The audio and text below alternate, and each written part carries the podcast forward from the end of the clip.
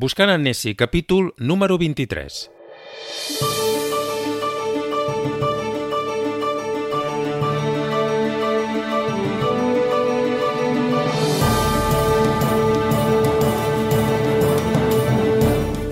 Això és Buscant en Nessie, el podcast on parlem d'Escòcia, dels seus paisatges, els seus costums i tradicions i de la seva gent. Un podcast que fem a distància, a Inverness, a les Highlands escoceses, i en Santi Geriot. Santi, bon dia i bona hora, com estàs? Good morning, molt bé, vos? Bé, bé, a Barcelona hi ha qui et parla, per Andreu Geriot, i avui parlem d'uns jocs, no sé si dir-ne olímpics, però, però són els jocs de les Highlands, oi? Sí, de fet, ells diuen l'atletisme de les Terres Altes. La primera referència que tenim de les eh, Highland Games ve del rei Malcolm III al segle XI. Aquest rei va organitzar una cursa al Craig Chronic, que és un, una mena de muntanya que està entre Inverness, Perth i Aberdeen, és com un triangle i al mig està aquesta muntanya, buscant el corredor més ràpid per fer de missatger reial. I llavors eh, també va posar a prova els soldats més forts i valents d'Escòcia, o sigui que no només era qüestió de, de, de força, sinó també eh, es va animar a músics, a ballarins, a revelar el, el seu talent i, per tant, un gran mèrit per al clan que representaven. O sigui, el clan, si tenia un bon músic, un bon ballarí, i resulta que també tenia un tio forçut, doncs eh, com si diguessin tenien més punts. Caram, I, i és molt enrere, això parles del segle XI, o sigui que a l'edat mitjana ja es feien competicions d'aquest estil i això es va anar perpetuant, no?, fins, fins al dia d'avui. Sí, de fet, els Highland Games moderns, com els que coneixem avui en dia, és més un invent eh, victorià, després de les eh, Highlands Clarence. Les Highlands Clarence, què és això? Bé, això al segle XIX, eh, la reina Victòria va desposeir de terres a tots els clans, sobretot a les Highlands, per donar peu a tot el tema de pasturatge i agricultura. Llavors es van organitzar tota mena d'activitats, però les esportives eren les més importants.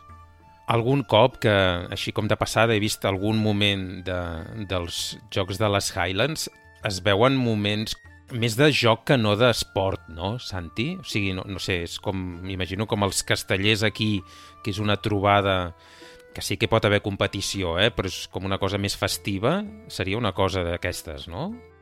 Potser al principi seria molt més competitiu, però avui en dia ha arribat a ser això, eh, molt, molt festiu, molt tradicional, on participen, aviam, hi ha competició, però es fa intentar participar les famílies, es fan eh, curses de sac, el, estirament de corda...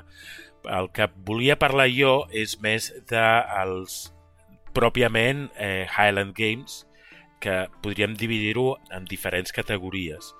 I començaria amb la categoria de Heavy Events, que no és de música heavy.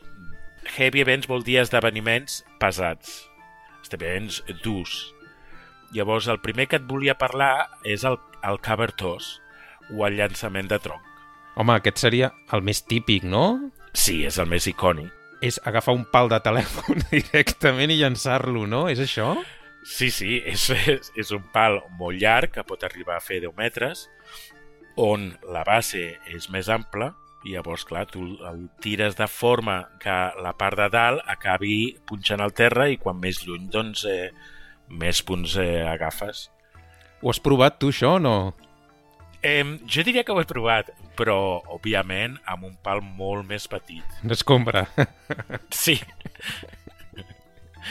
Bé, fora conyes, eh, continuem amb el Stone Put o el llançament de pedra, però que són pedres que és com el llançament de pedra... De pesa, no? Sí, és el llançament de pes de, de les Olimpiades, però clar, és que són pedres de 12 quilos pels homes i de 8 quilos per dones. No és una boleta, no? És una pedra. Exacte. Continuem amb el Scottish Hammer Throw, que és el llançament de martell escocès.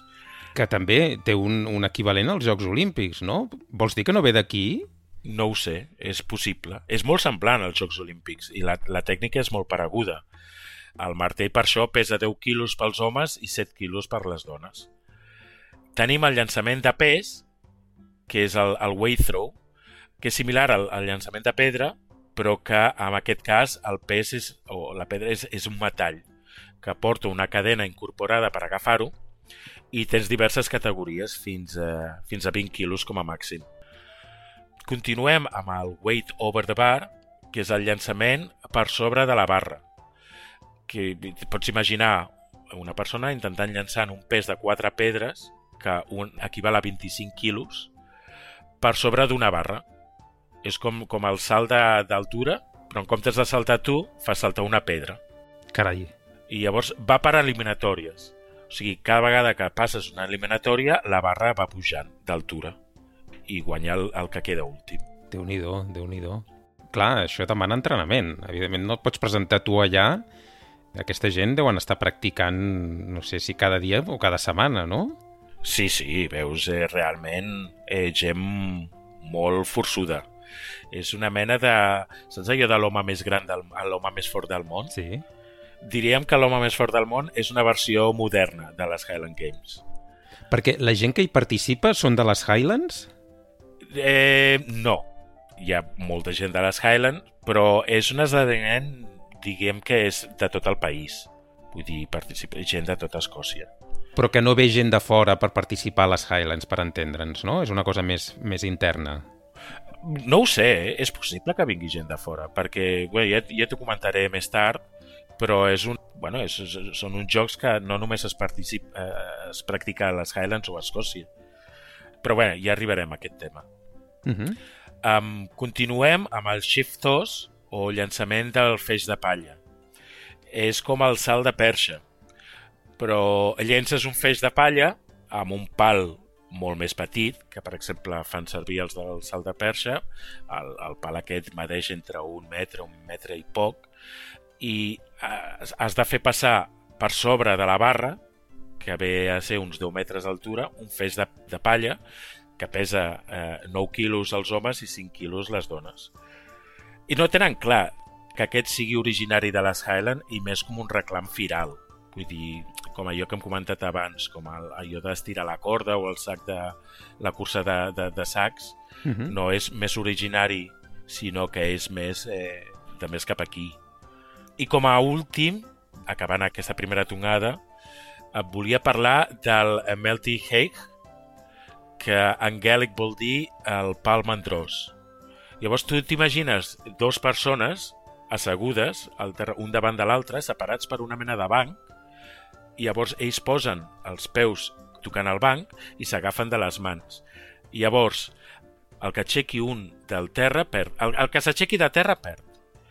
Llavors, jo he vist a gent literalment volar. Vull dir que l'altre l'ha agafat, o sigui, ha volat per sobre de l'altre. Per tant, el tema és intentar no aixecar el cul de terra, és això, eh?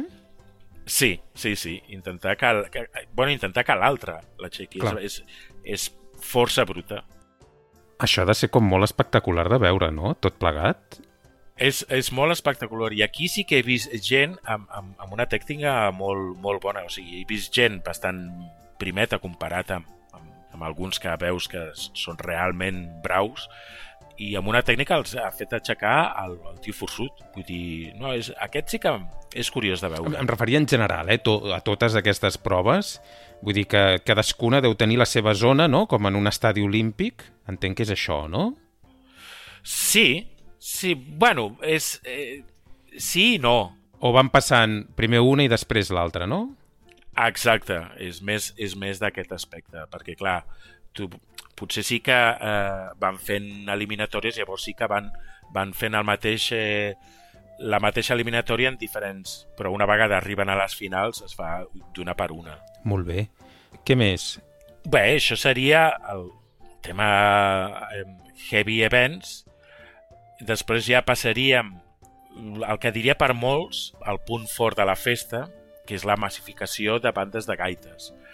Imagina't la cerimònia d'obertura o de clausura, 20 bandes de gaites, o sigui, t'estic parlant més de 200 gaites juntes, eh, tocant alhora. Clar, és un xivarri increïble. Però bé, de fet, eh, ells ja tenen un festival de gaites eh, per ells solets una vegada a l'any. Em sembla que les gaites han de sortir, Santi, a buscar en Nessie en algun moment, no? Perquè és, és, aquest sí que és l'instrument nacional escocès. Sí, sí, sí, podíem parlar d'aquest, del, del, del festival de gaites eh, Pie Festival, que es eh, realitza a Glasgow. De fet, jo, quan vivia al costat del Kelvin Grove, allà era un lloc on, on la gent practicava abans del, del festival, abans del concurs, i clar, donava un gust aixecar-te els diumenges a les 7 del matí escoltant un paio tocant la gaita no t'ho pots imaginar. Encara que no fos el veí, imagina que el tens al costat de casa, no? No, no, perdona, estava a 50 metres però com si estigués al, a la cuina. molt bé, molt bé. Va, més enllà d'això, d'aquests jocs més així tradicionals o, o aquests divertiments eh, adreçats a la família, això que deies d'estirar la corda i aquesta altra vessant que deies eh, els jocs més heavies de, de competició. Què més hi ha als Highland Games? Hi ha algun altre apartat o alguna altra disciplina? Hi ha moltes coses per fer i per veure. Hi ha des de les paradetes de fira típiques, de, que et venen, m'entens, souvenirs i records, des de demostració de batalles èpiques, eh, jocs per la canalla, una mena de, de Highland Games pels nois i les noies i els nens, algú sempre que veus disfressat de, de monstre Ness que, que para per allà. També? Segur. Però la Nessie no, clar, evidentment ella no, aquestes coses no li van, no? No, jo diria, bueno, ja vam parlar que és bastant eh, antisociable, i clar, veure massa gent, però si jugués jo diria que seria una de les campiones, eh, la Nessie. Home, la veig tant. bastant, bastant forçuda. Sí, què, què la veus fent què? Quin, quin d'aquests esports? El llançament de tronc no me l'imagino, eh? Bueno, no ho sé, tot és possible. Bé, no ho bé, sé. Bé. Ara, ara m'has enganxat. Escolta'm, i això es fa cada any, no? Bé, es fa entre primavera i l'estiu, però el que passa és que es fa cada any, però diverses seus. O sigui, i de fet no es fa a les Highlands. Bueno, es fa a les Highlands, es fa a Inverness, es fa a Thosdo, es fa a, a Fort William, a St. Andrews, es fa a Stirling, que de fet jo si he anat a veure, els, els vaig anar a veure a Stirling una vegada i a Sant Andrews a l'altra vegada. I de fet es fa també a Brasil, o es fa a Bèlgica, o es fa a Hongria, a Indonèsia, a Canadà... Com? Però es diuen així, els Jocs de les Highlands? Sí, són de fet els Highland Games, tal qual però als Estats Units, de fet als Estats Units, si veus una llista, te'n vas al, a la Wikipedia i veus la llista d'esdeveniments als Estats Units de les Highland Games i és que té com tres vegades més que a Escòcia. Caram. Vull dir, sí, no ho sé, però és, és bastant popular. En tot cas, són uns jocs que s'han de fer a l'aire lliure forçosament. Sí, sí, Tot sí. i que a Escòcia és difícil que faci bon temps, o sigui que algunes vegades segur que estan passats per aigua, no? Bé, eh, per això es fan entre la primavera i l'estiu, que és quan millor temps fa, però clar, quan, quan es fan els jocs eh, tothom creu els dits perquè faci bon temps. Que això no vol dir que si plou ho cancel·lin. I es fa, el que passa que clar, ja perd, perd molt, clar. I el fet que es facin tants llocs diferents vol dir que cada lloc, per entendre's, cada ciutat organitza els seus, és això, no? Sí, cada poble, cada organitza els seus, de fet, tenen el seu nom. I llavors és una mena de, de, de calendari on suposo que els mateixos van, van anant d'un lloc a l'altre per, per, per concursar. Clar, m'imagino com, com si fossin les temporades de, de castells, no? O de, o de gegants, que cada cap de setmana és, un, és una trobada en un lloc diferent. Deu ser una cosa així, no? Efectivament. Doncs avui, a Buscant en Nessie, ens hem acostat a una competició, no sé si dir-ho així, o en tot cas unes proves, uns jocs tradicionals que es fan cada any a Escòcia i que potser n'havíeu sentit a parlar i avui doncs, hem volgut també portar-los en aquest podcast. Què et sembla, Santi? Ho deixem aquí? Sí, ja seria això per avui.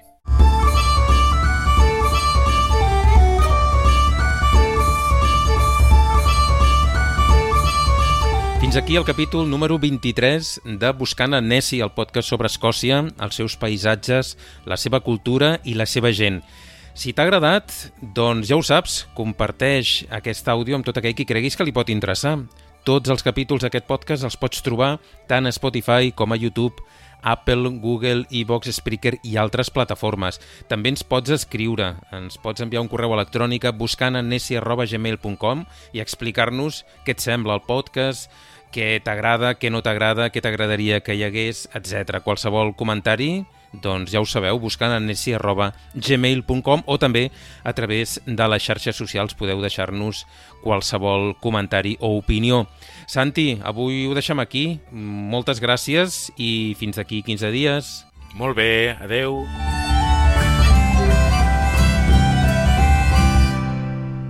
Però el Nessi existeix o no?